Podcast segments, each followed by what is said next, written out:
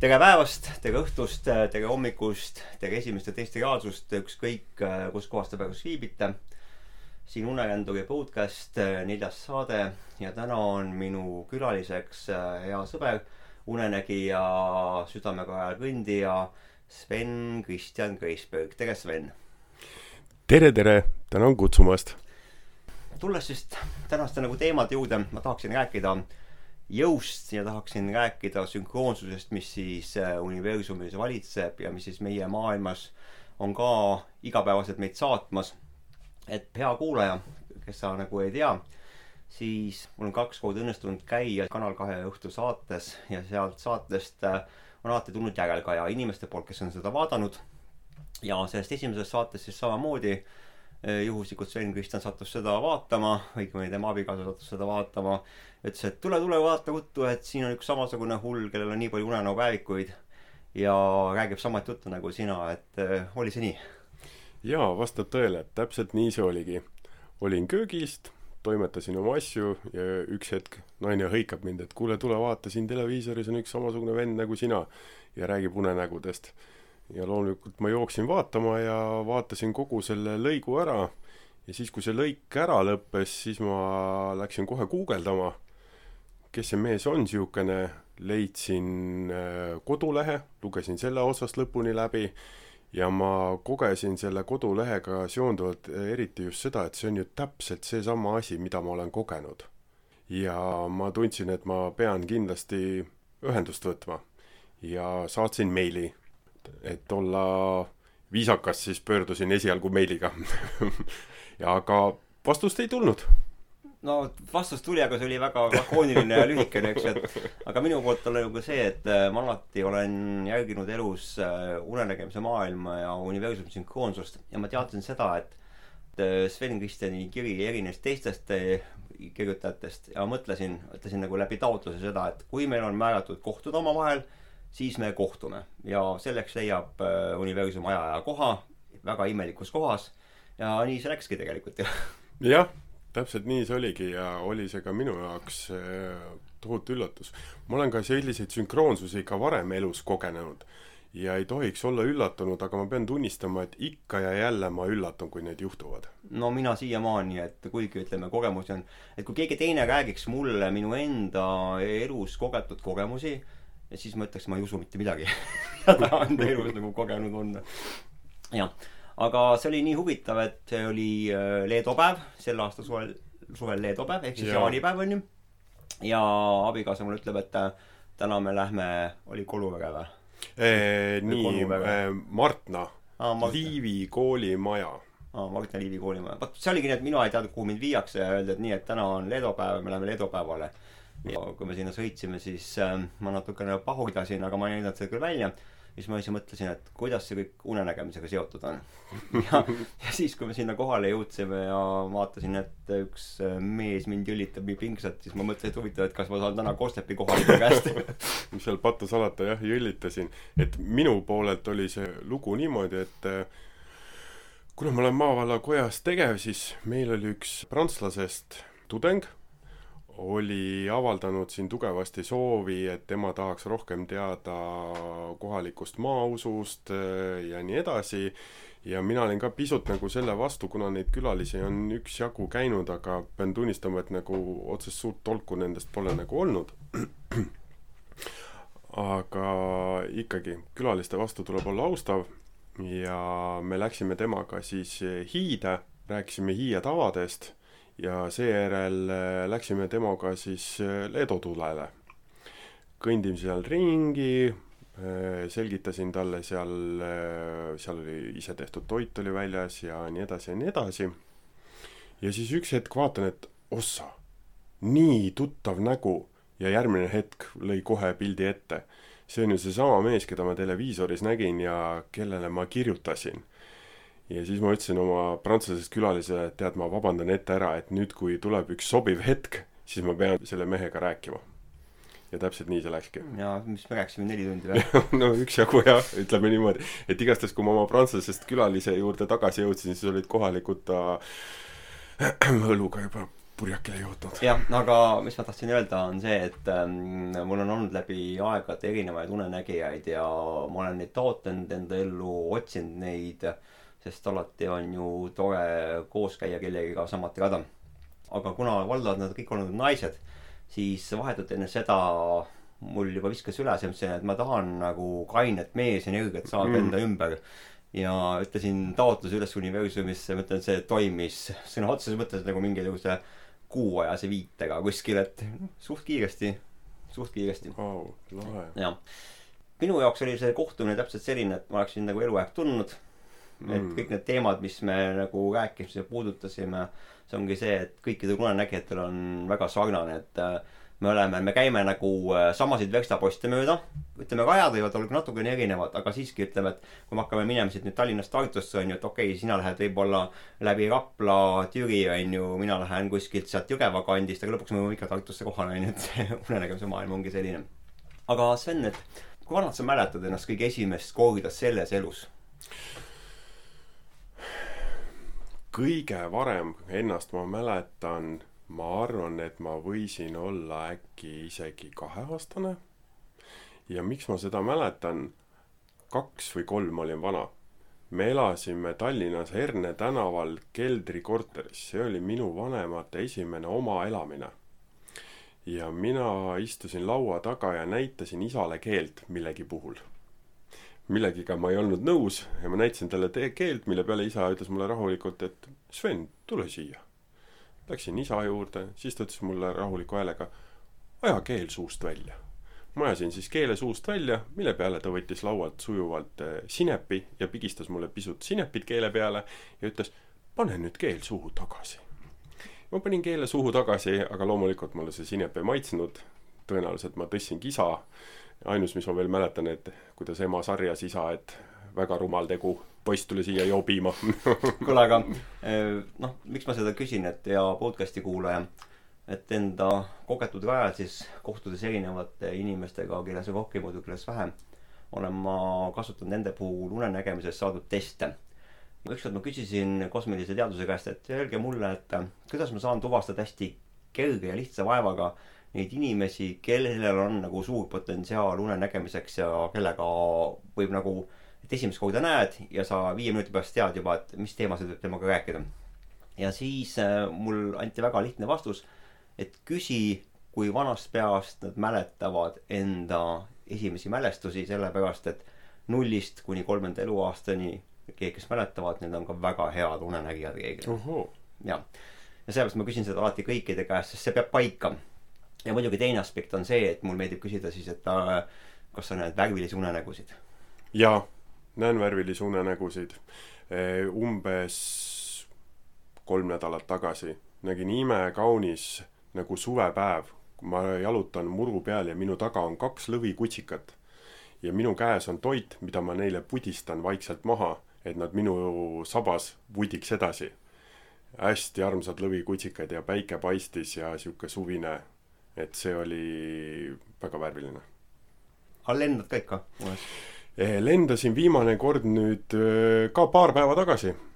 olin eh, kuskil siukses huvitavas keskkonnas, kus kõik tundus nagu kivi ja vana ja mingi seltskonnaga koos ja me sisenesime ühte suurde-suurde ruumi, mis oli nagu suur kivikoobas ja seal koopa sees ma tahtsin neile näidata siis, kuidas ma lendan ja siis kohati ma olin nagu sihukeses kaalutlusolekus, et jõudsin seina, keerasin ümber ja jalgadega jälle tõukasin ennast nagu teises suunas, et seal siis osad lagistasid naerda, kui ma seda liigutust seal tegin, aga lendamine on alati fantastiline tunne. see on ka üks järgmine kriteerium, et head unenägijad on head lendajad. ja mida, mida kõrgemale unenägija või siis ütleme, inimene, ei peagi olema isegi teadlik und näinud, aga kui ta juba mäletab enda lapsepõlveharjasest peale, ta näeb värvilisi unenägusid ja kui ta lendab äh, pilvedest kõrgemale kosmosesse välja, siis äh, seal taga on puhas jõud, ei mitte midagi muud pean tunnistama, et pilvede eest kõrgemale ma ei ole kunagi lennanud veel. aga siis on sul eesmärk olemas võib-olla on see, et sa oled lennanud küll, aga pilvi pole taevas olnud. mul ei tule ühtegi unenägu meelde, kus ma oleks läinud äh, ilmaruumi kuskile kaugemale. okei okay., noh aga see polegi üldse oluline, vaata, et kui sa selle maaemaga ja maavallaga tegeled, on ju, siis on palju tähtsamad asjad on siin maa lähedal kui seal kosmoses, eks jaa, ja sel-, selles suhtes sa panid naelapea pihta, et äh, temaga seonduvalt on väga palju unenägusid. jah. nii nagu me ise, vaata, kui me oleme omavahel vestelnud, palju koodi, et Svenist on märkamatult saanud väga hea sõber ja siis me oleme veetnud tunde ja tunde rääkides unenägemisest ja ongi välja kogunud see, et tegelikult, äh, mis sellise vahva lause, et unenägemine, unenägemine maailm on ükselt puutumatu vist. eks ju. et see ongi nagu see põlisrahvaste mingisugune sellisel kujul välja vormitud ja sinna pole see tehnokraatia ulatunud ja tänapäeva siis arvutute ajastu hingematel tolm, tolm siis saastama saanud ma olen mõelnud väga palju seda mõtet, võib-olla natukene teise kandi pealt, põhimõte on sama, et ka see sõna kreeka keelest tulenev mütoloogia, et kust need müütilised olendid pärinevad, kus esivanemad äh, said teadlikuks nendest. et kui ma olen ise nüüd näinud neid unenägudes, siis ma olen alati mõelnud, et äkki seal nad kohtusid neid. jah, täitsa võimalik, eks ju. ja vaata, mis oli veel huvitav, oli see ka, et mulle meeldib universumise sünkroonsuse puhul, et üks asi on see, et kui inimesed kohtuvad, aga kui loodus paneb oma pitseri peale ja kotkad lendavad pea kohal siis iga päev ei lenda kotkad sul pea kohal. see on võimas tunne. see on võimas tunne ja see oli vist mõned päevad enne seda, kui ma esimest korda tulin siia, ma käisin Läänemaal Sooserval jalutamas, kus mulle tihtipeale meeldib käia, ja ma läksin sinna ühte rada pidi ja tulin tagasi täpselt sama rada pidi. ja tee peal oli noh, ütleme üks niisugune neljakümne sentimeetrine kotkasulg. see ei ole väike ja see ei saanud kuuluda ka väiksele linnule ja ma tean täpselt, et ma läksin ennem täpselt mööda seda rada. ja teda ei olnud seal. ja kui ma tulin tagasi, ta oli seal. ma arvan, et heal podcast'i kuulajal oleks tegelikult huvitav teada ka seda, kuidas sa oled käinud nendest niinimetatud enda lahtiste silmadega unenägemise rännakutel looduses ja oled kogenud tegelikult väga võimsaid äh, kogemusi kas äkki siis ma võiks rääkida sellest loost, kuidas ma hunti trehvasin? jaa, seda ma silmas pidasingi oh, e, siis jälle kevadine aeg, vett palju looduses, jalutame kahekesti sooserval ja jõuame kohani, kus on näha, et inimese käsi tõenäoliselt on kujundanud seda keskkonda. me täiesti impulsiivselt omavahel vestleme, et ei tea, mis siin kunagi on olnud, et keegi on siin toimetanud ja nii edasi, aga kuule, vaatame järgi, mis siin võis olla mõeldud-tehtud, meil otsest plaani ju ei olnud. panime seljad kokku, istusime maha, lasin oma mõtetel rahuneda ja üks hetk ma kogen, et minu seest nagu hüppab midagi välja ülesse. ja ma näen seda nagu kristallidena, ta on nagu kristall. ja me kogeme, kuidas seal kohas siis äh, talumees on oma tegemisi teinud, see oli heinamaa, tal oli kaks tütart ja nii edasi ja nii edasi ja kui me olime selle protsessiga lõpule jõudnud, siis oli niisugune tohutu tänutunne, et sa oled saanud kogeda midagi imelist jälle. tänutäheks oli soov anda andi, jätta andi sellele kohale. ja selle jaoks valisime välja ühe suure kase. ja hakkasin kõndima sinna kase poole ja mõned sammud enne kaske ma kuulen, kuidas minu paremal pool üks kolme meetri kaugusel midagi ragistab võsas võtsin siis kohe ennast põlvele, jäin vaatama sinna, et mis see on seal ja järgmine hetk, päisepäeva ajal, astub hunt sealt välja. hästi rahulikult, nuhatab vasakule, paremale, keerab otsa ümber ja läheb minema. ja see oli nüüd täpselt see hetk, kui me läksime andi panema kasele. jaa, see oli hall väehunt, eks ju nojah, nad enamus, mida ma näinud olen, neil on niisugune mingi hallikas rand sees turja peal näiteks ja, jah. aga mis oli huvitav, on see, et kui me sinuga omavahel kohtusime, siis äh, minu see teisise teadus ütles, et äh, näed, see on hunt, see on val- mm., valge hunt, et äh, tead, tead, mis on selles mõttes jälle huvitav, kuidas see sünkroonsus mängib, et äh, ma olen tegev ühes äh, Jaapani organisatsioonis, mis tegeleb äh, ka Jaapani pärimusega, mis on mulle lapsest saati huvitav olnud. ja sealsetele organisatsiooni liikmetele antakse nimi, nende endakeelne nimi. ja minule anti nimeks Kinro. ja see tähendab halli hunt. hall hunt. Kinro. jah, okei, see on küll juba põnev. jah, see on noh, pärast nime saamist ma väga tänanesin ja ütlesin, et see on täitsa uskumatu, et ma sain endale hundi nime. Ja julge hundi rind on rasvane või haavleid täis, haavrit täis või hoopis täidetud suure südamega. loodame nii. ma tahtsin sult küsida seda, et ähm, kui vana sa olid, kui sa avastasid enda jaoks unenägemise või kas sa kohe said ka aru, et, et unenägemine on unenägemine selle terminiga, nagu seda tänapäeval mõistetakse, või sa tegelikult juba enne seda toimetasid selles maailmas, kui tuli see läbi Castaneda raamatute sisse, et see on unenägemine?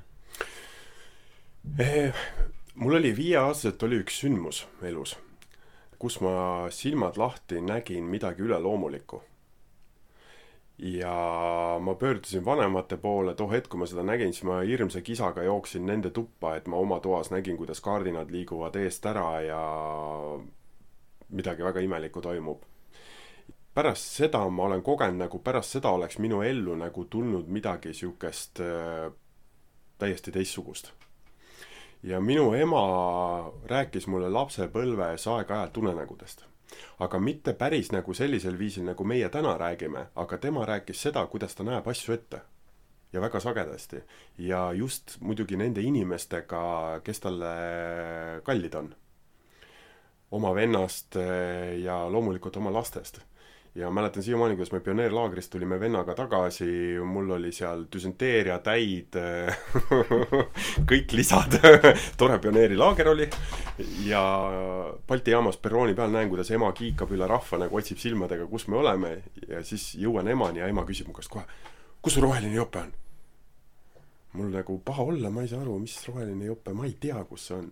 ema ütles, ma nägin unenäos, et sul jäi see kappi. no kodus läksime ja loomulikult seda ei olnud ja oligi kappi jäänud aga siis, kui ema rääkis ka seda, et kui tal vennad sõjaväes olid, kuidas ta nägi unes, et vennalt on kiri postkastis ja hommikul siis öö, tõusis üles kohe padavai postkasti ja venna kiri oli postkastis.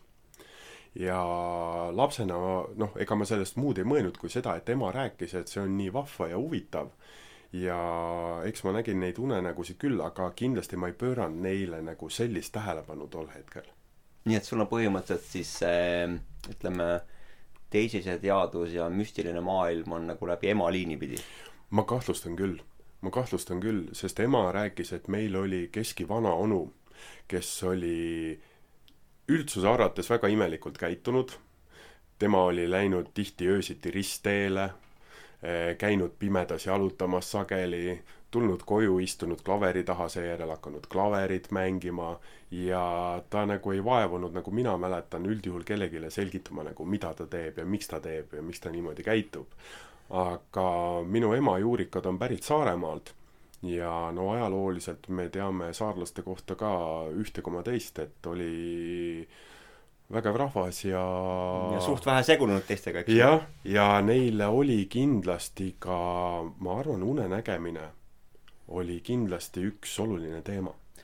praegust Eestis tuli välja üks raamat unenäo pärimustest ju läbi aegade. ma ei ütle praegu seda nime, aga ma võin pärast seda kodulehele kirja panna, tunerändu.ee-sse, kes ei ole meie Facebooki grupi liige või siis Unekändu lehte veel külastanud.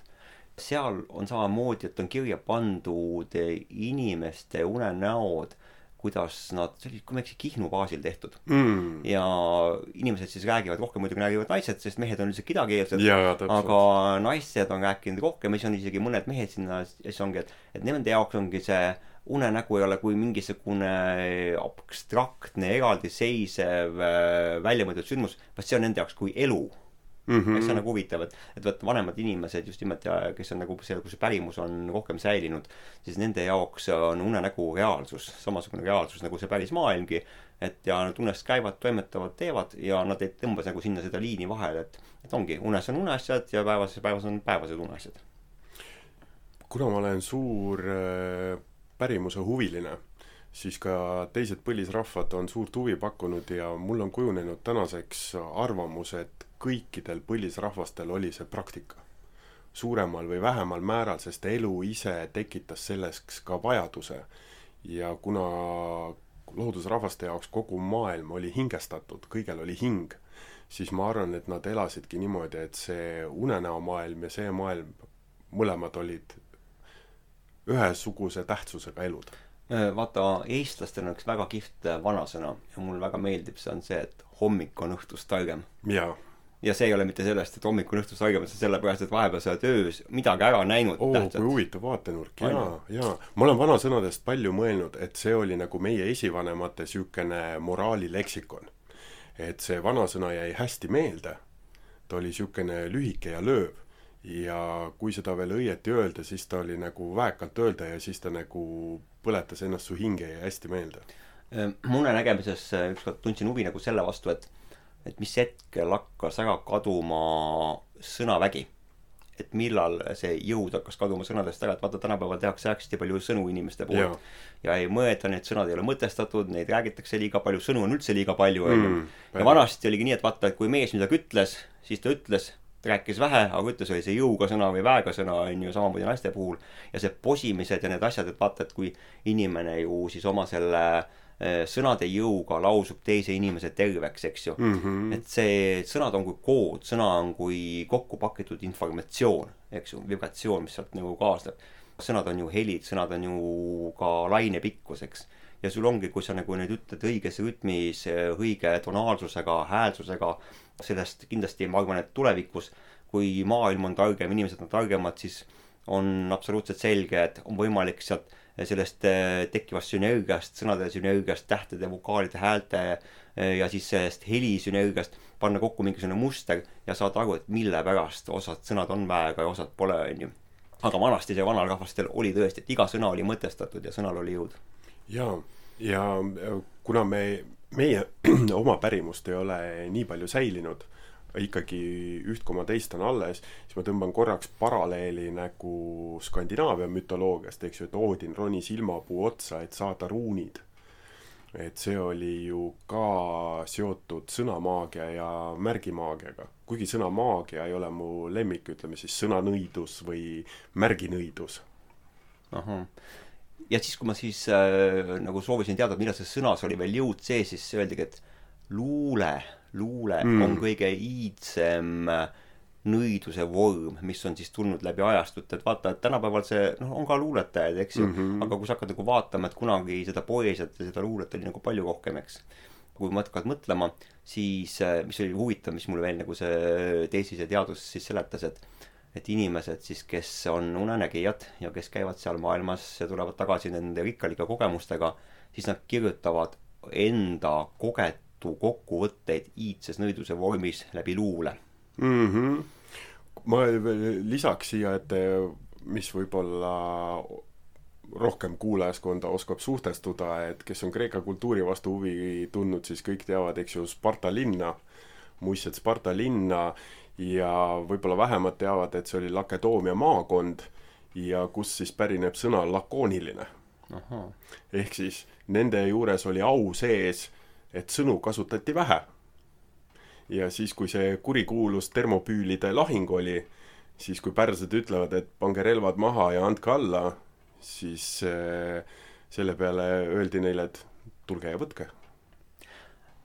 Jaa, see on põnev. vaata, minul ka meeldib pärimus, et kui mina nagu loen mingisuguseid äh, vanu, vanu raamatuid, on ta siis joogaraamatud, on ta piibel, on ta orante raamat või mingi muu asi, eks ju et kõik, mis, või mingid vanad eeposed näiteks, et öö, nendega on ju see teema, et öö, seal on küll tänapäeval tõlkes palju kaduma läinud ja valesti mõistetud mm, -hmm. on ju, aga kui sa nagu loed korduvalt ja korduvalt ja püüad nagu mõtestada seda, et et milline oli selle tolleaegsete inimeste nagu, kes seda kirjutasid, see mõttelaad ja see olukord, kus nad olid, siis sa hakkad nagu mõistma seda mustrit, et vau, et tegelikult need vana aja jutud, need ei olegi muinasjutud, vaid need on muinasaja jutud jaa, kusjuures jälle väga vahvasti öeldud, mina kogen sedasama asja, mulle ei imponeeri, kui kaasaegsed uurijad ütlevad, et no nad mõtlesid selle välja. tolle aja inimesed olid äärmiselt praktilised ja lihtsalt eh, välja mõelda, nad võisid illustreerida midagi, et kuulajale oleks see paremini arusaadav.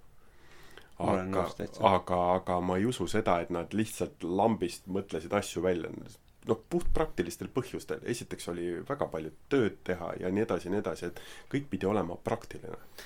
ütleme, need inimesed, kes ise pole kogenud unenägemist ja midagi müstilist enda elus ja kui nende inimestega jagada oma kogemusi, siis ma olen kogenud seda suhtumist, et äh, sa mõtled need lood välja, sa fantaseerid, isegi sa valetad, on ju, mis iganes, on ju, ma ütlen ausalt, et inimesed, mul on nii vähe fantaasiat ja mul meeldib näha ja ma oskan seda kirja panna ja edasi rääkida, aga et selle peale tulla, neid asju välja mõelda, siis ma, see oleks väga kõva samm. ma tahaks no, osata seda võib-olla. ilmselgelt need inimesed ei ole unenägemisega kokku puutunud, sest selleks, et luisata, see ju hakkab mõjutama ka sinu unenägemist.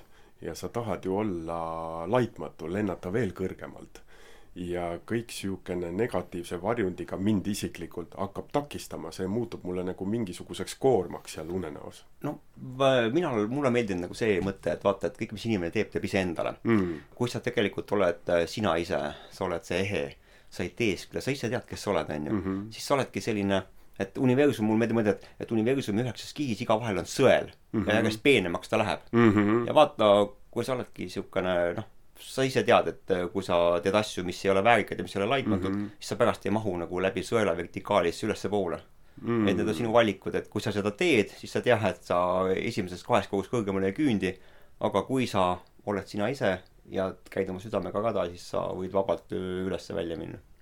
Väga, väga hea metafoor. noh, mööda ilmapuud. aga ütle mulle, Sven, Kristjan, et äh, milline oli esimene sinu teadlik unenägemine? kus siis ma olen teadlik, et ma ja. nüüd näen und või? just. Oh, ma isegi ei mäleta, milline neist esimene võis olla. aga kõige võimsam, ma ütlen, see, mis nagu sind äh, vapustas siis nii, et ärkasid hommikul üles, mõtlesid, et vau, au, vau, ma tahan tagasi kohe magama minna. Kusjuures, kui sa nüüd küsisid, ma ei olegi sellele varem niimoodi mõelnud, aga nüüd esimene mõte, mis mul, mitte mõte, vaid tunne, mis mulle tekkis, oli see, et kõige viimased on kõige võimsamad ja iga korraga ta läheb nagu võimsamaks. Ja viimane oli siis see, kus äh, ma sain teadlikuks, ühesõnaga olin selles niinimetatud ruumis, sain teadlikuks, seal olid mingid tegelased, kelledele ma ütlesin, oo, ja mis ma nüüd teen. ja seejärel ma võtsin asendi ja tegin hingamisharjutust. ja ma ei jõudnudki seda hingamisharjutust väga palju teha, kui järsku ilmus üks süsimust kogu, kellel oleks nagu tiibade kontuur. ja see hetk, kui ma teda nägin, lendasin ma sealt unenäost välja ja seda tegelast ma kohtasin esimest korda nüüd. ma ei ole ühegi teadlikus ja mitteteadlikus unenägus teda varem kohanud. ja mõned ööd pärast seda nägin ma teda veel korra, kus ta seisab eemal ja jälle ma tõdesin, et ta on nii must, kui must üldse olla saab. ja ma mäletan seda, kui me saime pärast seda kokku ja sa tahtsid küsida, et kes see tegelane on ja siis me jõudsime sellele tõele lähedale ka. Sest iga unenägija, kes alustab, eriti kui ta on veel sõdalane ja kui ta on laitmatu ja Sven Kristjan on seda ja ta püüdleb sinna läbi oma taotluse samba, siis unenägijana ja unenägijal, kes on siis äh, oma südamega kajal, on alati ees vältimatu kohtumine oma surmaga. Ja siis, kui vaata, ma ütlesin, et tead, mulle meenutab see, mida sa nägid ja kogesid hoopis minu enda mälestus, kuidas ma kohtusin surmaga, siis meid mõlemad läbis äh, külmavärinate voog kandadest kuni siis pealaeni välja väga tugevalt, vähemalt mind. mind ka, ma olin kaks päeva noh, ütleme niimoodi, et äh, kergelt hirmul lausa, ma ütleks niimoodi et ma ju teadvustan endale, et äh, surm on kogu aeg läheduses. aga see, et ta nüüd ilmus niimoodi ja näitas ennast, ma ehmatasin sellest kohe ära. tol hetkel, kui ma Castanedat lugesin, siis seal oli ka, et vältimatu kohtumine surmaga. kui mina esimest korda oma surmaga siis unenägemise, unenägemisest kohtusin, siis mul oli täpselt sama tunne, et et ma sain aru, et nüüd ongi kõik, kõik mult küsiti ka, suurim küsis, et noh, et oled sa valmis. ja minu elu laotati minu silmade ette, see oli täpselt see moment, et, et minu elu jooksis nagu filmilint läbi kõikide nende emotsioonidega, tunnetega, kõik, mis oli salvestunud kujul. et see vaht oli sealt väljas, ainult olulised asjad olid seal sees. ja samal hetkel teisese teadus räägib, et vaata, et kui inimene ei tee oma elust kokkuvõtet, oma teekonnast, siis surmahetkel kõik see, mis on temasse salvestunud, see teaduse helendav koor, see käib tema teadvusest läbi, sest see on asi, mis kaasa ei tule, see jäetakse maha. Ja sõdalaste saladus ongi ju selles, et kes on nagu õppinud kokkuvõtet tegema, endast välja andma, siis tegelikult surm ei tule neid võtma, vaid surm tuleb ainult selle teadvuse elendava koore vahenduseks kohale, et sind vabastada sellest taagast ja koormast, sest pärast seda, mis hakkab juhtuma, siis ma ütlen, et unenägemine ja see keskkond ja see teadlikkus, see tõuseb järgmisele tasemele ma nüüd ei mäleta, minu arvates me pole sellest rääkinud, aga seesama, sama hingamisharjutus, mida ma tegin, oligi osa sellest kokkuvõtte tegemisest. et ma olen nüüd sellega nagu algust teinud ja see oli ka esimest korda, kus ma teadlikus unenäos seda tegin. ja ma ei jõudnud seda väga palju teha, mõned korrad ma ainult jõudsin ja ta oli platsis kohe minu jaoks oli see samamoodi, et kui ma sain teada, et Olteekidel oli see harjutus, et sa pead hingama, on ju, paremalt õlalt sisse mm, -hmm. on ju, vasakule ja meelde tuletama kõigepealt. et äh, ma tegin seda maiselt, füüsiliselt, tegin, tegin, tegin ja ei mitte mingit tolku. ja siis ühel hetkel olen unenägemises, vaatan oma käsi ja noh, nagu niisugune raisk koolipoiss, kellel on tunnid tegemata, et mida siis nagu taotleda võiks ja siis teisise teadus sõitis ka ruudult sisse, et nii, mis sa passid siin hinga. ma ütlesin, mis mõttes ma hingan tee seda harjutust, mida sa oled seal maisalt üritanud teha, onju. ja nagu ma ükskord tegin, viskas see mind kohe minu ühe lapsepõlve kitsaskohta ja mälestusse ja ma elasin ja kogesin selle läbi ja ma sain aru, et tegelikult erinevates eluetappides on meil energia kinni mm. kuskil minevikus, mis tuleb tegelikult vabastada, kaasa tuua, aru saada ja põhimõtteliselt omastades see energia, mis oli minust sinna maha jäänud sellesse traumasse see oli seal siiamaani särises ja ootas, et ma tuleksin ja võtaksin ta üles nagu pohnamarja. nii huvitav, sest see, ruum oli minu lapsepõlve vanemate köök hmm., kus ma seda tegin. ma tahaks nagu, ütleme, oma kogemuse põhjal öelda seda, et et kui sa seda seal tegid, siis äh, igal unenägijal on olemas oma jõupaigad mm.. ja need jõupaigad ei ole mitte ainult füüsilises maailmas, vaid äh, sinu unenägemised ja sellised võimsad unenägemised hakkavad korduma äh, teatud paikades ja kohtades unenägemise ruumides. ja seal, kus toimub, ütleme siis sinu sellised, kus sa tegid seda hingamisharjutust, et kui sa nüüd selle nagu endale teadvustad, siis tea, et sul on võimalik korduvalt ja korduvalt samast kohast mm -hmm. hakata neid asju tegema ja avastada uusi punkte ja uusi asju, mis sellele järgneb, aga see on sinu jõupaik mm. -hmm. jaa, tegelikult ma olen ju seda kööki näinud ka varasemalt aga see oli esimest korda, kus ma olin teadlik seal. ja see oli ka ju mõni päev pärast seda, et mina olin ka seda kokkuvõtte hingamisharjutust teinud ja siis sina juhtisid mu tähelepanu sellele, et kuule, proovi seda seal teisel pool teha. ja sellest läks ainult paar päeva mööda, kui see kohe õnnestus. mulle, minu jaoks oli ka suur üllatus, et see kohe õnnestus. sa oled selles mõttes hea eksemplar, et et, et osad inimesed mõjuvad osadele inimestele, eks ju mm -hmm., et kui keegi teine räägib mulle mingit juttu, et tee seda, tee toda ja ütleme, et mul ei ole sellist nagu elude üles klappi. sõna otseses mõttes.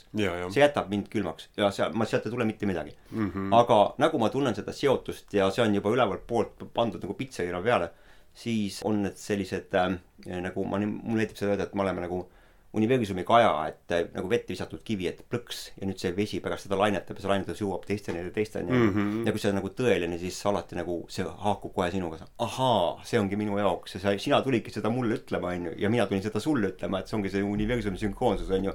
et miks me vahest onju kohtume, miks me näeme asju ja miks me nagu täitsa suvalistest asjadest. et meil on täna mingisugune after party, onju ja sa leiad mingi inimese ja hakkad temaga rääkima hoopis kolmandast teemast, mis ei ole nagu üldse selles mm -hmm. kontekstis oled sa seda kogenud ja. enda jaoks? no ikka, näiteks kui sa ütlesid after party, siis äh, üks nendest juhtumitest oligi siin paar nädalat tagasi, ma läksingi sõna otseses mõttes after party'le ja see päädis sellega, et üks vana tuttav naisterahvas, me rääkisime temaga peaaegu poolteist tundi sellest, et tema on elus käimas läbi parasjagu valulikku protsessi, kus äh, ta hooldab oma haiget ema ja muud isiklikud probleemid nii et enamus sellest afterparty'st möödus sellega, et me temaga rääkisime ja minu jaoks on see nagu kordades väärtuslikum kui see afterparty ise. et kui ikkagi siiralt saad toetada teist inimest, siis äh, hea meel, kui saad aidata. minul meeldib selle juures see võrdlusmoment, et et üldiselt inimesed elavad oma isekat elu, eks ju mm.. no noh, me oleme ikkagi vaata, et kui me elame, siis me elame iseenda pärast ja kui me Oi, sureme, me sureme üksinda ja meie keha viiakse meie kodunt välja mm -hmm. ja nii edasi ja mõni poetab on ju pisaraga, kui sa sured, eks ju. aga tegelikult ütleme, kõik asjad, mis me teeme, teeme tegelikult iseendale. et kõik asjad, mis on sisemist, me teeme iseendale, onju. aga kui sa suudad näiteks, et mul ei ole seda võimu, et ma suudan nagu kedagi panna muutuma mm. -hmm. inimene peab ise, teeb endas, eks ju, ise ta muutub. Aga kui ma suudan nagu äh, talle anda enesekogemuste läbi selle teadmise ja võib-olla anda selle tõrviku kätte, et näed, võta, et mine läbi tunneli ja see tõrvik on sul käes ja see tõrvik on see minu kogemuste pagas, eks ju, siis see ei pea üks-ühele ühtima, onju, aga see võib olla selleks abivahendiks, et ahaa, ja sa saad lihtsamalt, onju, sest täpselt universum mind on niimoodi õpetanud ja nii aidanud ja sellepärast ma teen seda inimestega ka.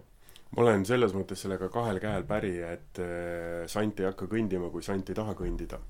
Ja enda elukogemuses mul on kogemus, kus ma püüdsin aidata väga head sõpra, kes oli tõsiselt alkoholiga kimpus. ja ma rääkisin talle korduvalt, et mees, lõpeta ära, et sa lõpetad prügikasti kõrval niimoodi. ja ta naeris selle peale iga kord, kuni selle hetkeni, kuni ta suri ja möödus mitte väga pikk aeg pärast seda, kui ta oli surnud ja ma näen unenägu, kus pikk rivi inimesi seisab. ja tema on ka seal rivis. Ja ma kõnnin tast nagu mööda ja kui ma hakkan temani jõudma, siis ta lööb nagu silmad maha. ja sihuke tunne on nagu oleks häbi. mm. aga mis tast saanud on praeguseks?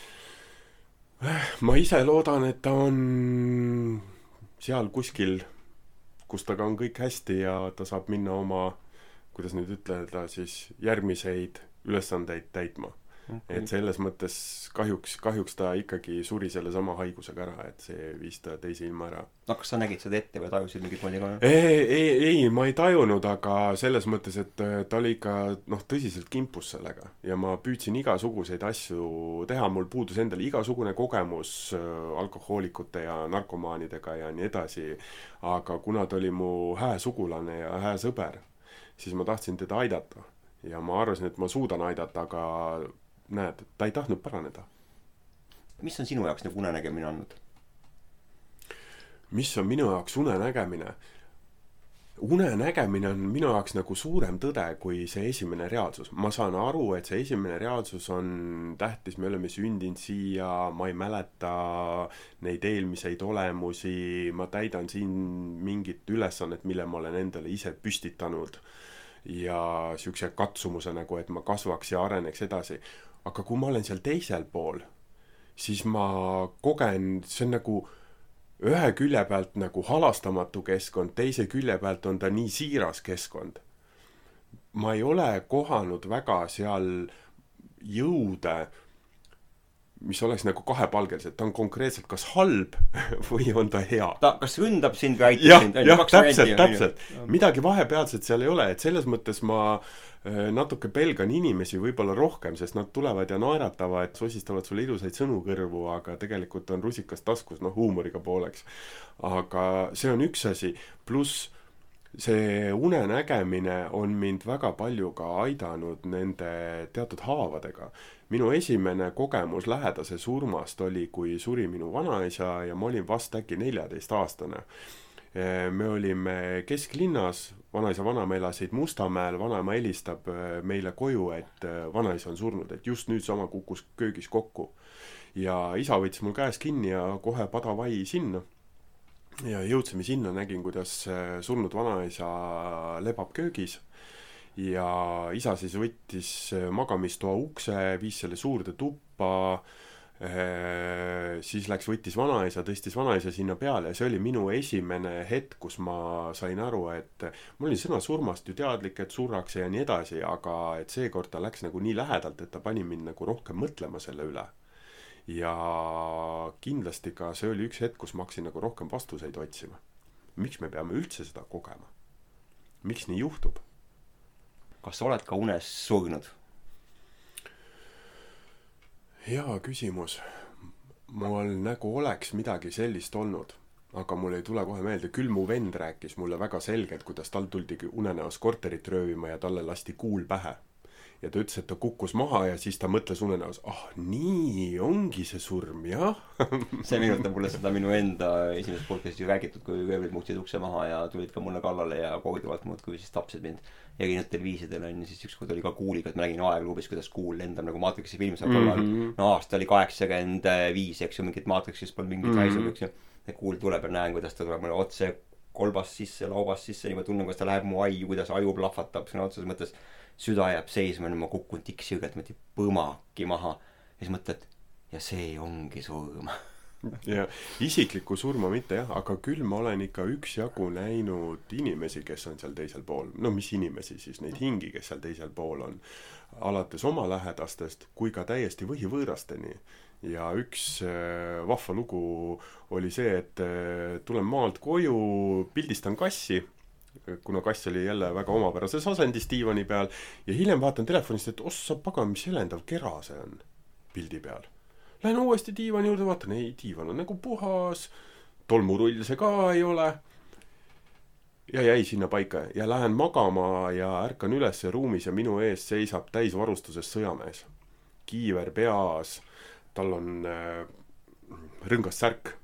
Mis sõjamees, mis ajastu sõjamees või kes, mis no kes ma ütleks siukene noh, kui ma peaks nüüd niimoodi panema, kuna ma olen kerge ajaloo huviga, ma paigutaks ta sinna kolmteist, neliteist, äärmisel juhul kaksteist sajand. ja ta on sihuke süsimusta habemega ja nii kui see pilt tuleb, et me seisame seal ruumis, ta kohe ründab mind. ja siis me jälle madistame, madistame, kuni üks hetk ma panen ta sellili ja ta nagu annab alla ja siis jõuab minu teadvusse sõnum, et ta on grusiin.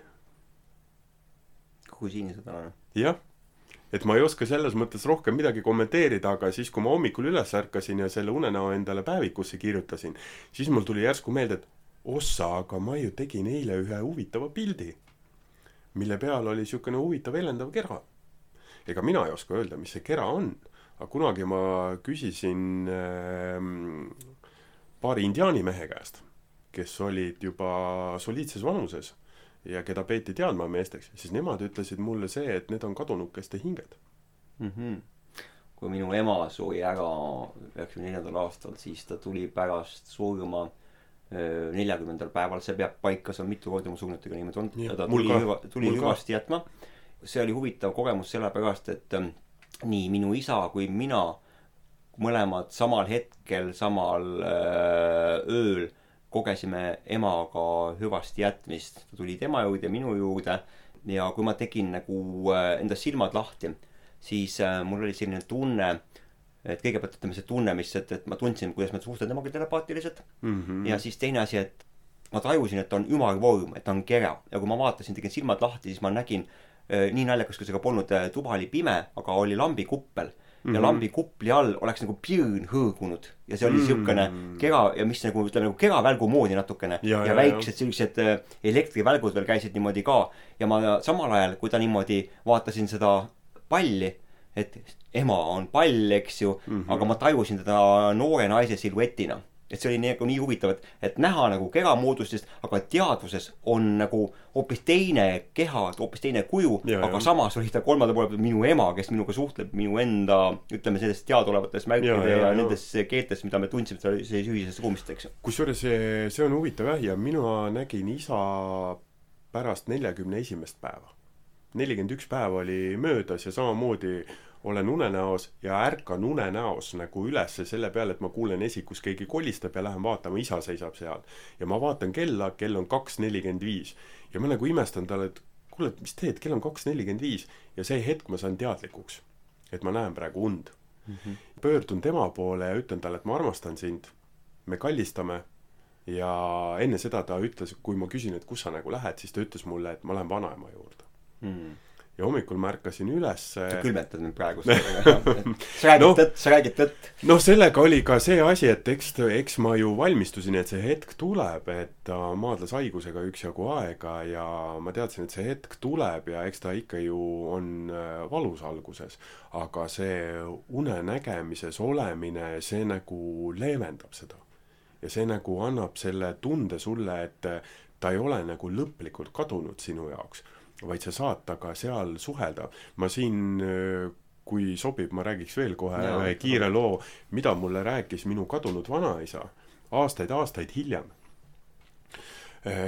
näen oma vanaisa, kõigepealt ma nägin vanaisa unenäos niimoodi, et ta seisis ja tal silmad olid pahempidi.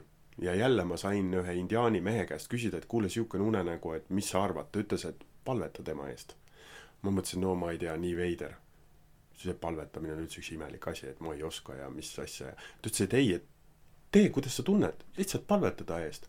no võtsin üks õhtu ennast siis kokku ja palvetasin ja sama öö ma nägin teda uuesti unes ja temaga oli kõik korras. ja siis ma nägin päris mitu unenägu temaga järjest ja kus ta rääkis mulle erinevaid asju ka Saaremaa kohta, kust ta pärit on. aga üks hästi huvitav lugu oli see, et äh, ma olen vanaisaga koos unenäos ja järgmine hetk tuleb nagu teine unenägu, kus ma kõnnin õues, vihma sajab ja vanaisa on läinud. ja ma mõtlen unenäos, täitsa lõpp, ta just oli siin, ma oleks saanud ju igasuguseid asju ta käest küsida. ja seejärel ütleb hääl minu peas, mis on vanaisa hääl. sul tasub ainult mulle helistada. minu unenägudes helistamine on nagu ühendust võtmine loogiline, eks ju. jah, et see on võib-olla niisugune kaasaegne värk, et noh, sada aastat tagasi keegi ei helistanud et aga minul on nagu see, et helista tähendab, et sa saad nendega ühendust võtta, ehk siis unenäod on minule õpetanud seda, et ma saan nendega suhelda seal. ja kui oli periood, kus ma nägin neid väga sageli ja ma ei suhelnud, aga sellest hetkest, kui me hakkasime suhtlema, hakkasid need äh, nägemised nagu harvemaks muutuma mis tekitas mul jälle nagu hea tunde, et nagu mingi asi on nagu paranenud, et ma nagu lasen lahti sellest. minul meeldis, et noh, ilmselt on juba ammu podcast'i kuulaja aru saanud, et äh, siin saates on imelikud inimesed onju. ja minu puhul on see olnud, et kui on lähedased inimesed surnud, siis selle asemel, et nagu halada või nutta, siis äh, ma olen alati suunanud oma teadvuse teise tähelepanusse ja ma olen ühendanud ennast äh, sureva inimese teadvusega. ja ema puhul viis see mind surmaväravate ette, sellest ma ükskord räägin eraldi podcast'is on ju, see on väga pikk teema. aga isa puhul oli see, et kui isa parasjagu suri oma surivoodis siis ma läksin rahulikult voodisse, lõdvestasin ennast ära ja haakusin siis enda teisise teadvuse tema siis tegemistesse. ja aeg ma olen kosmoses, ütleme, vaatan Eestimaad pealtvaates mm. -hmm. niimoodi kõik on tume, öö oli ta, öösel suri mm. -hmm. vaatan seda ja näen nagu linnatulesid nagu täpselt nagu kosmosest mingisugune satelliit oleks pildi teinud niimoodi. ja kogu aeg vaatan, et mingisugune tulukene selline nagu, nagu komeet, aga selline oranži värvi komeet käib niimoodi šiuh-šiuh erinevates kohtades mm. -hmm. ja minu teadus ütleb, et näed et isa teeb oma kokkuvõtted kõik sellest, mis ta on jätnud tegemata. Wow.. ja siis ta käiski oma kõikides pidepunktides, kus ta Eestis, kellega oli kohtunud, kus ta oli käinud ja korjas kõik need kübemed kokku, sest kui sa lähed üle selle piiri, sa pead selle maha jätma, see on universumi reegel kahjuks. kui ma otsisin vastuseid enda jaoks, minu ümber ei olnud inimesi, kes oleks nagu unenägudega kogenud sama asja, mis mina, noh, ema oli juba tolleks ei, ema oli, oli elus veel, aga ega ta ei osanud ka ju midagi suuremat selle kohta öelda. küll ma käisin siin ja seal ühega, teisega, kolmandaga ja lugesin kirjandust äh, kuhjadega. vaata, väga paljudes usundilugudes on ju kirjas, räägivadki seda, et kadunukese hing käib talle tuttavates kohtades ja mõned inimesed, kes on siis kliinilises surmas olnud, räägivad, kui nad on tagasi tulnud, et nad käisid ka seal kohtades ja nad olid imestunud, et keegi ei näe ja ei kuule neid ja nad üritavad suhelda, et mis teil viga on ja nii edasi. et äh, selles mõttes sellest räägitakse üksjagu vaata, ma olen sellest lugenud, aga üks asi on lugeda ja, ja kui sul puudub see kogemus, aga siis, kui ma sain nagu läbi enda teadvuse nägemise selle mm -hmm. osaks siis see on täpselt samamoodi, et ma võin sulle rääkida elu lõpuni, et kuidas kakao maitseb ja öelda, et vot see on nii hea jook, onju, aga kui sa seda joonud pole, siis sa jäädki ainult mõtlema, et kuidas kakao maitseb, onju. ja me võime elu lõpuni rääkida ka unenägemisest siin, aga ennem kui sa seda ei koge, on seda raske mõista. jaa, ma tean seda, et äh, meil, äh, me võime tunde niimoodi rääkima jääda. nii on, on aga igal saatel on ka piirid ja ma tean, et hea kuulaja on ka see inimene, kes ütleb, et oh pekki küll, nad on juba viiskümmend minutit siin jahunud, onju. aga ma tean, et sul on väga palju kogemusi ja ma, see ei ole viimane kord, onju, kui me sellest räägime, sellepärast et eh, mul endal on olnud väga põnev kuulata eh, neid sinu unenägemise maailma kogemusi, mis tegelikult tulevad siia reaalsusesse üle ja sul on unenägemise kogemusi ju avatud silmadega sõna otseses mõttes.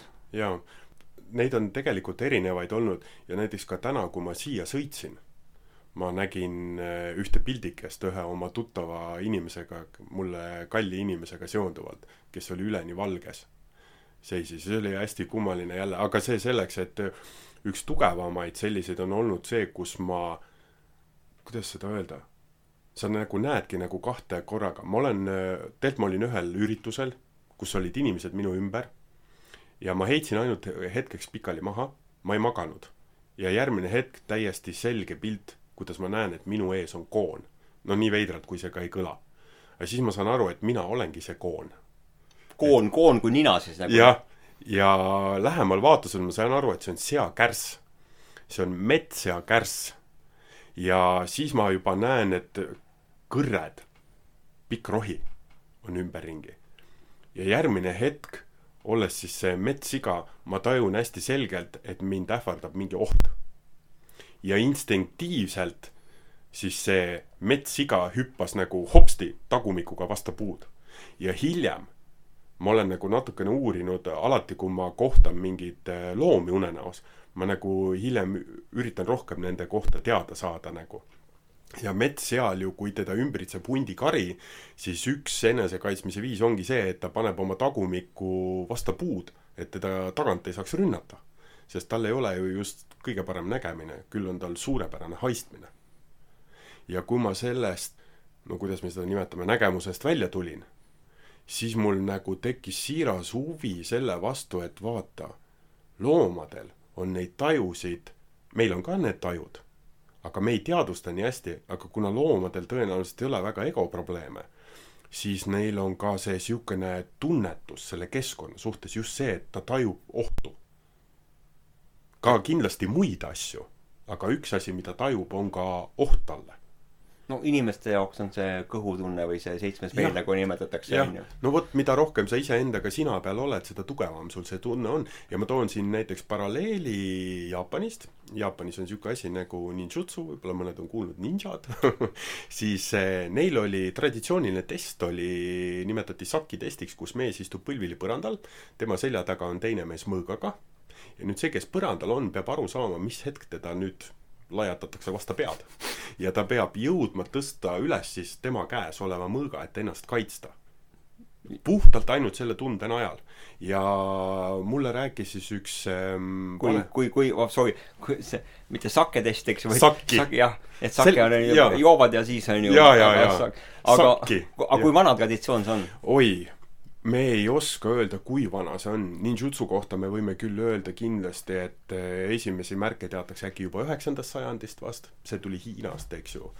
aga see on jälle üks huvitav teema, millest võib väga-väga pikalt rääkida iseenesest. aga põhimõte on selles, et kui sa nagu äh, seda intuitsiooni ära ei taba, siis on pea läinud. nojah, muidugi tänapäeval tehakse seda puust mõõgaga või veel pehmema mõõgaga ja kahjuks tänapäeval teda ka kõvasti lahjendatakse, sellepärast et kui sa selle läbid, sa oled liige, see tähendab liikmetasusid ja blablabla bla, bla, aga vanal ajal see oli väga ühene, see oli ellujäämise küsimus et kui sul on see tunne piisavalt arenenud ja selle peale mulle ütles üks äh, vanem proua, kes on selle sees kasvanud, selles traditsioonis siis tema ütles selle peale, et eriti hästi tunnevad seda lapsed ja noored emad. et nende tunnetus on veel tugevam tavaliselt. ilmselt emadel me peame lähtuma sellest eh, bioloogilisest eh, loogikast, on ju, et ta peab hoolitsema oma järglase säilimise eest, eks ju. ja, ja vaata, siis aktiveeritakse läbi erinevate hormonaalsüsteemide, siis tegelikult äh, kõik on põhjendatud biokeemiaga et siis naisel aktiveeruvad siis vastav sensoorika selleks, et ja. siis tunnetada. miks ma seda tahtsin ka mainida, et kuna sa ütlesid, et äh, podcast on lõppemas kohe. ma ei siis..., ma ei ütelnud seda, et me oleme juba nii palju, et äh, minu poolest võib jätkata. ja, ja ei, ma lihtsalt tahtsin seda öelda sellepärast, et meil kõikidel on see olemas. meil kõikidel on see olemas ja see hetk, kui ma ütlen, et jaa, ma usun, jaa, ma tahan, siis hakkab see toimima kui palju ka unenägudest rääkides inimestega, ma ei näe unenägusid. no ma arvan, et sa oled seda kuulnud ikka ja, aastate ja. jooksul lugematu arv kordi. ja samamoodi ka äh, mina, kui räägin, mõni inimene räägib unenägudest, ma haakun, ma küll niimoodi pehmelt, ma ei taha teda kurnata või koormata nüüd, eks ju, aga tahaks ju rääkida hirmsasti igasuguseid asju. kas sa seda oled kogenud, et äh, näiteks äh, kui on nagu noh, päris head tuttavad või nagu sõbra moodi asjad, eks ju et äh, sa näed neid unes tegemas mingeid tegevusi ja kui sa mm -hmm. nagu seda avalikustad neile või räägid niimoodi, siis nad ütlevad, et äh, sa kujutad asju ette või sa valetad või mis iganes, on ju. aga tegelikult näed sa nende tulevikku ja sa näed hoopis seda, mis nad tegelikult on, mida nad mõtlevad. et see fassaad, et fassaadiga nad püüavad sind nagu petta. aga see, mis ma tegelikult ütlen, et minu jaoks on olnud läbi aegade lapsest saati et ma teadsin seda, et kui ma unes näen, et ei ole mitte see nagu selline tavaline unenägu, eks ju, mhm. vaid see unenägu on eriline, ma tunnen selle momendi ära. ma tegelikult näen inimesi sellistena, nagu nad on. üks-ühele. ja, ja ma olen sellest jälginud, see on mul väga palju probleeme tekitanud, väga palju jamasid, arusaamatusi. aga ma pärast seda, kui ma saan tõestuse sellele, et näed, mul oli õigus, siis see nagu koorub just nimelt seda, et, et minge te kõik metsa te, teie energiamustrisse on sisse kirjutatud see, mis te olete ja te ei saa seda mitte kellegi eest varjata, vähemalt universumist ei saa varjata. jah, ma olen seda kogenud ja üks kogemus oli lausa selline, kus ma no sunniviisiliselt pidin pärast vabandust paluma. Ja hiljem tuli välja, et mul oli ikkagi õigus ja siis ei palunud sinult keegi vabandust, eks ju? no ei, ei palunud, aga ma ei vajanud ka seda selles mõttes, et jah, mina sain enda jaoks selle, et tuleb usaldada iseennast. ja see esimene tunne, see on õige ja pärast hakkab ego juba tööle, oi ei tea, kas ikka on nii ja oi, mis mina siin ikka ja nii edasi ja nii edasi. jah, nii et ma võin siis selles mõttes öelda, et sa oled nagu selle kandi pealt ka sarnane minuga, et sa tegelikult usaldad täielikult pimesi unenägemise maailmast kogetud? jah, ma ei maininud veel selle podcasti jooksul kordagi seda, et äh, ma olen regulaarselt, äh, keda ma kutsun jumalannaks. ja mul ei ole mitte mingisugust kahtlust temas.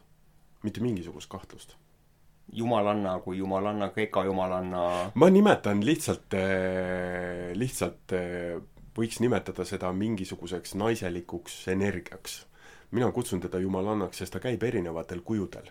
aga iga kord ma tajun teda nagu, tajun nagu ühtemoodi. ja neid on nagu aastate jooksul olnud väga palju erinevaid äh, unenägusid. ja mul ei ole nagu mitte mingisugust kahtlust tema suhtes. ma veel kiirelt lisan juurde, ma ei tea, kas ma seda lugu olen sulle rääkinud äh,. Äh, olen unenäos, lähen maja keldrisse kesklinnas elasin, eks ju, ja lähen ühe maja keldrisse ja väga imelik kelder ja keldris istudes ma näen vaimusilmas, kuidas õues jookseb kentaur, mehe kehakaubune. ta jo-, kappab ümber maja ja siis ta tuleb keldrisse ja ennem kui ta uksest siseneb, ta võtab üleni nagu mehe kuju endale. nüüd ta tuleb trepist alla, möödub minust, mina vaatan teda nagu imestunult ja siis ta ütleb üks hetk hästi selge häälega. Sven, hoolitse oma isa eest ja mina nagu unenäos, mis asja? hüüan talle järgi, et mis asja, kas minu isast räägid või? ja siis hääl ütleb jälle kõmisevalt ja selgelt, jah, sinu isa. väga huvitav. tagantjärgi, tagantjärgi oli see midagi, mis valmistas mind ette selleks, et isa jäi raskelt haigeks ja teda oli vaja hooldada. Ja minus ei olnud sekunditki mingit kahtlust kas ma peaks seda tegema või kuidas seda tegema. et see unenägu oli nagu omamoodi selline, kuidas seda nagu öelda, nagu mingi leping mulle nagu öeldi, et ütleme nii, et see sinu teine ise tegi sinu esimese ise eest äh, otsuse ära ja sul oli ainult võimalus seda järgida. täpselt, täpselt ja mitte sekundikski mitte mingisugust kahtlust mul on olnud samamoodi kogemus, et inimene on nagu olnud kentaur, aga see oli nii, et äh, üks mu lähedane inimene oli väga raskesti haige sel hetkel ja sellel ööl oli tal kriisimoment, et mm -hmm. kas jääb ellu või ei jää ellu. ja minu selges unes oli nii, et ta oli teel surnuaia poole, surnuaiast lahutas teda mhm. kolmkümmend mm -hmm. meetrit. et üle tee minek ongi surnuaed sõna otseses mõttes, värskelt kaevatud hauad olid seal valmis mm. -hmm. ja ta tuli ja ta oli niimoodi, et ta oli nagu inimkuju ja selle asemel, et tema taga oleks kentaurina nagu hobuse keha mm, -hmm. oli tema taga hoopis veoauto, mis oli mm, täis oh, igasugust oh, elulist paska. saad aru, et, et saad aru, et inimene kui veoauto, kes kannab mm -hmm. kaasas endaga mingit sodi. ja ma läksin sinna tema ette, panin niimoodi käed, sirutasin niimoodi välja, täpselt nii nagu ma vaataks, et oo, ma olen unes, aga niimoodi sirutasin mm -hmm. välja. ütlesin ei, sa ei lähe sinna ja ma pöörasin nagu niimoodi, et võtsin nagu sellest vee, tema tema veoauto kehast nagu kinni mm, -hmm. pöörasin ta teistpidi ja lükkasin veel hooga minema, et sinu suund on sinnapoole. Ja elab siiamaani. Wow.. See on küll äge lugu. et, et, et mulle vahest meeldivad siuksed asjad, kui sellised asjad toimuvad, et siis mõtled ka, et mm, tegelikult unenägemine on nii võimas instrument. oi, see, see on nagu kujuteldamatu ja tead, mis pärast seda unenägu ma uurisin, ma olin ju tegelikult Vana-Kreeka muistendeid ja müüte lugenud, mulle see väga imponeeris, ma kuueaastaselt lugesin raamatu läbi ja tüütasin kõik oma sugulased ära selle teemaga. aga ma ei olnud nagu sellesse kentauri süvenenud ja lühidalt öeldes kentaur oli sõnumitooja hmm et selles mõttes nagu klappis suurepäraselt mul vahest on niimoodi olnud, et et unes öeldakse tundmatus keeles asju ja kui ma nüüd Mm, pärast mm. guugeldan, on ju, siis ma saan aru, et ahaa, näiteks üks väljend oli see, kui äh, teises raadios öeldi mulle Elohim el-Shaddach, et mis on siis vana heebrea keeles, et Jumal on kõikvõimas. ükskord oli see unenägemine mul äh, tegelikult äh, Shivast ja Shaktist ja sealt siis oli ka, et et oli üks vana India naine minu kõrval, koos istusime ja siis lapsed tulid, viskasid lootuse õielehti niimoodi meie peale, kui ütlesid Nathan, Nathan, Nathan. siis, kui ma tulin nagu sealt teadusest välja, hakkasin nagu lugema, mis see on, onju. ma sain aru, et ahaa, Nathan on tegelikult prohvet, onju, ja see on selline mm. Noh, aga mis keeles? see on vanas, vanas jälle juudi keeles. aa, ja, ja. jah, ma ei tea millegipärast, kas siis sellepärast, et ma olen nagu piiblit kunagi lugenud, mitte vanas heebrea keeles, no seal, seal seda tõenäoliselt ei olnud aga nii ta on, jah. aga hea podcast'i kuulaja, märkamatult on tund täis. me soovime teile head uut aastat, sellepärast et eile oli ju vanausuliste või Maausuliste. maausuliste, maausuliste Mhm. uus aasta, eks ju. ja teie, kes te kuulate seda nüüd äh, juba sel hetkel, kui on siis kristliku maailmapildi uus aasta, siis ongi head uut aastat võimalik soovida, eks ju. jaa, head uut aastat kõigile. jah, ja ma soovin sulle, Sven-Kristjan, sind veel ja veel näha siin, aitüma. eks ju, sest jutte on tõesti palju ja ja nagu ma ise kogen, et kui nagu suu otsa lahti teed, siis tuleb üks, teine, kolmas, neljas, viies, kuues ja ja mulle meeldib niimoodi aega veeta. jaa, ja see on äärmiselt väärt. see on äärmiselt väärt rääkimine. jah, kõike head teile ja kuulamiseni. kõike paremat! aitäh!